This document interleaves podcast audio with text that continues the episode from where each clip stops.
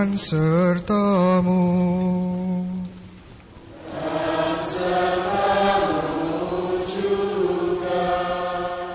Inilah Injil Yesus Kristus menurut Matius.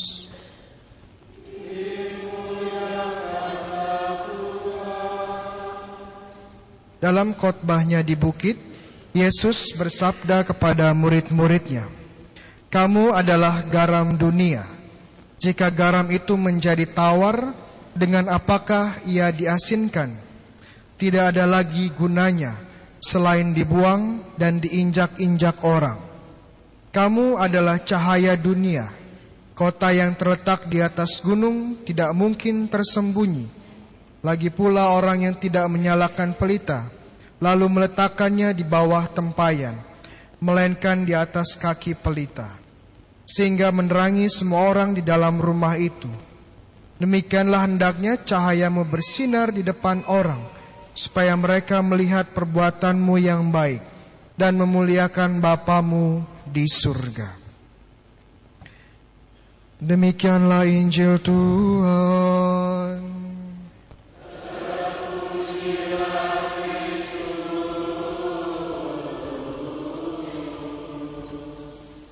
Selamat pagi semuanya.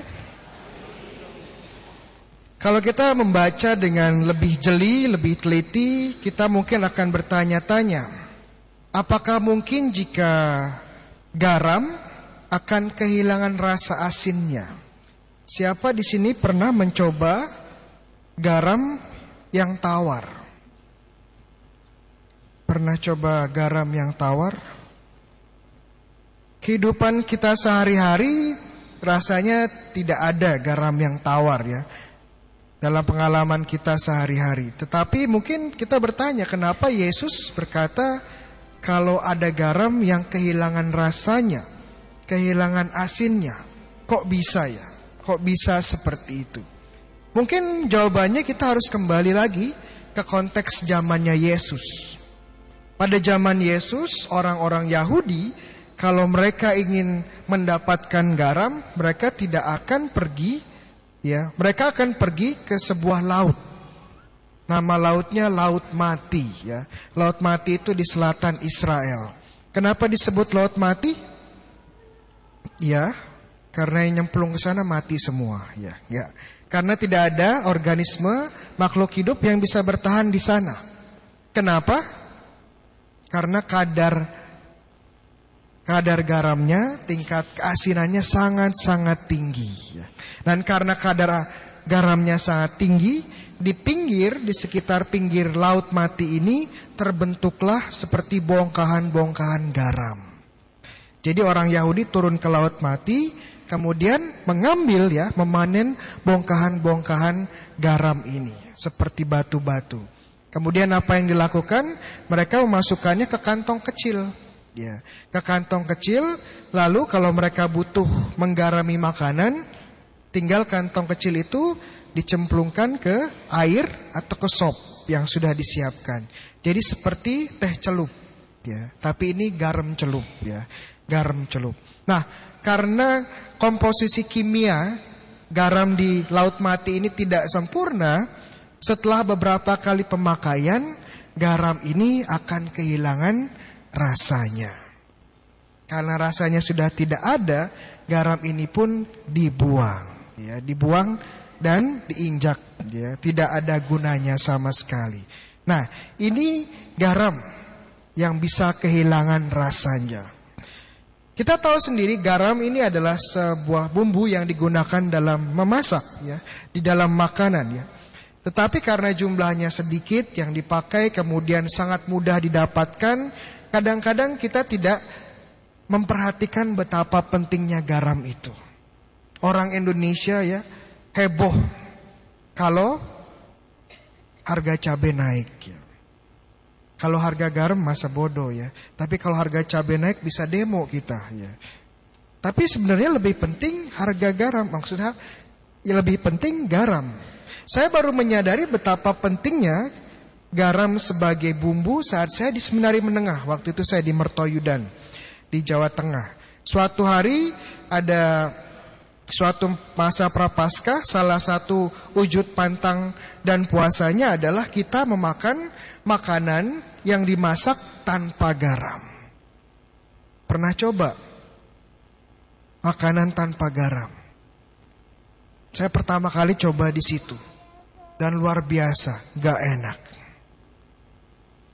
Bukan luar biasa ya, luar bian, luar binasa ya, gak enak. Saya coba paksakan makan, gak kuat, malah pengen muntah. Betapa luar biasanya garam ini. Tanpa garam makanan gak ada rasanya, bahkan gak bisa dimakan. Mungkin kita bisa buat percobaan ya. Siapa di sini suka makan mie instan? Ya. Mie instan. Coba setelah mie instannya dimasak, setelah makan jangan pakai bumbu. Bumbunya jangan dimasukin. Makan mie-nya tanpa bumbu. Ya. Coba rasain. Ya. ya itu contoh konkret, contoh kecil bagaimana garam menjadi bahan makanan, bahan bumbu yang sangat penting. Dan garam itu sudah garam tidak hanya masalah makanan, kadang-kadang garam itu adalah masalah hidup dan mati. Kok bisa Romo ya? Kok bisa menjadi masalah hidup dan mati? Kadang-kadang ya kita manusia ya pernah mengalami sakit yang namanya diare. Ya. Siapa di sini yang belum pernah kena diare? Waduh, sakti sekali ya. Diare bahasa kerennya apa? Mencret ya. Nah, kalau kena diare ya, Sebenarnya diare itu nggak parah ya, nggak mematikan kayak virus corona ya. Tetapi harus cepat ditangani. Dan salah satu obat tradisionalnya itu disebut sebagai yang sebut kita oral rehydration solution bahasa Inggrisnya biar keren dikit ya. Tapi bahasa Indonesianya oralit ya. Oralit itu apa? Ini sebenarnya air dicampur dengan larutan gula dan. Diminum tiap hari biar sampai sembuh ya.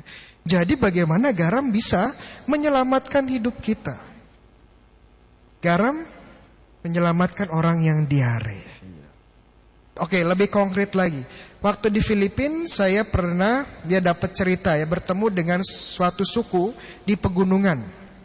Mereka ini suku namanya suku Mangian ya di di Pulau Mindoro di di Filipina. Ya. Mereka itu di pegunungan ya dan dari waktu ke waktu mereka akan turun gunung. Mereka turun gunung membawa hasil panen mereka ya. Ada pisang besar-besar dibawa ya, ada buah-buahan dibawa turun ya ke pasar. Dan semua ini diapakan? Ditukar. Ditukarnya bukan cari uang. Ditukarnya dengan apa? Dengan garam. Loh, kenapa Romo? Saya tanya juga kepada mereka, kenapa kok dengan garam? Lalu mereka bilang begini, saat masa-masa susah, saat masa-masa paceklik datang, mereka nggak butuh uang. Mereka butuh garam. Kenapa? Karena saat masa susah, mereka bisa hidup, bisa bertahan hanya dengan nasi, air, dan garam. Dan bagaimana garam menyelamatkan suku ini dari masa-masa sulit mereka. Oke, tetapi perlu diingat juga bahwa garam ini hanya bumbu. Garam itu bukan menu utamanya. Tadi kan kita fokus ke garamnya. Sekarang kita lihat konteks yang lebih besar, garam itu bukan menu utamanya, ya. Kalau dan kita tidak bisa hidup kalau hanya makan garam saja. Benar nggak? Kebanyakan garam di tubuh hasilnya apa? Darah tinggi. Jadi hati-hati, jangan kebanyakan juga garamnya. Ya, kalau darah tinggi berbahaya. Bisa kena serangan jantung, bisa kena stroke, ginjalnya bisa gagal ya. Banyak ya. Jadi hati-hati dengan garam juga kalau terlalu banyak. Garam tidak ada artinya tanpa makanan utamanya. Nah, kalau Tuhan Yesus bilang kamu adalah garam, Kira-kira makanan utamanya siapa? Tuhan Yesus. Kok bisa Tuhan Yesus jadi makanan utamanya? Karena Tuhan Yesus adalah apa? Tuhan Yesus apa? adalah roti kehidupan. Kita garamnya, Tuhan Yesus makanan utamanya. Jangan lupa itu. Oke, waktu saya di Filipina masih studi, masih belajar, orang-orang Filipina itu kalau sarapan suka makan roti. Dan nama roti yang mereka suka itu namanya pan desal ya. Itu roti kecil tapi gurih dan membuat orang ketagihan. Pan desal itu bahasa Spanyol artinya pan roti desal garam, roti garam. Kenapa disebut roti garam? Karena dalam fase terakhir pembuat adonan roti ini ditambahkan sedikit garam. Dan ini yang membuat gurih, ini yang membuat orang ketagihan. Makanan utamanya roti, tapi karena rot ada garamnya membuat orang ketagihan, pandesal. Jadi kita dipanggil sebagai garam seperti pandesal ya. Kita memberikan cita rasa yang luar biasa kepada roti kehidupan. Makanya hati-hati ya, kita diajak membawa Yesus yang roti kehidupan. Membuat Yesus lebih menarik kepada orang lain. Tapi hati-hati jangan terlalu kebanyakan, jangan terlalu sedikit juga. Kalau kebanyakan nanti rotinya keasinan ya. Kalau terlalu sedikit rotinya hambar. Kalau rotinya keasinan itu seperti kalau keasinan nanti semua orang ngelihatnya bukan ke Tuhan Yesus, tapi ke diri kita. Aduh, ke RM aja yuk gerejanya. Kenapa romonya ganteng ya? Khotbahnya keren. Iya. Itu kan bukan cari Yesusnya, iya. Cari romonya. Iya. Tapi kalau garamnya kurang jadi hambar, orang pun nggak mau dengan Yesus. Hai, ngapain ke gereja itu? Ya. Udah homilinya panjang, udah homilinya bulat, ya. Romonya jelek lagi. Pantesan jadi romo ya. Makanya sebagai orang Katolik, sebagai garam harus bisa tepat ya, agar Yesus sungguh kita hadirkan di tengah-tengah keluarga kita dan komunitas kita. Sebuah pertanyaan kecil. Kenapa saya akhiri homili saya ini dengan pertanyaan kecil? Kenapa kalau kita ikut ekaristi itu selalu kita menerima apa? Menerima komuni. Komuninya disebut apa? Hosti. Kenapa hosti itu tak berasa? Karena dia roti tak tak beragi. Romo-romo boleh nggak dikasih selai kacang hostinya? Nggak boleh. Kenapa tidak berasa ya? Karena setiap kita menerima komu ini, menerima Yesus, kita selalu diingatkan, ini roti masih hambar, kita adalah garamnya. Saat kita bawa keluar, kita bawa Yesus dan membuat Yesus lebih hidup dengan kita sebagai garamnya. Amin.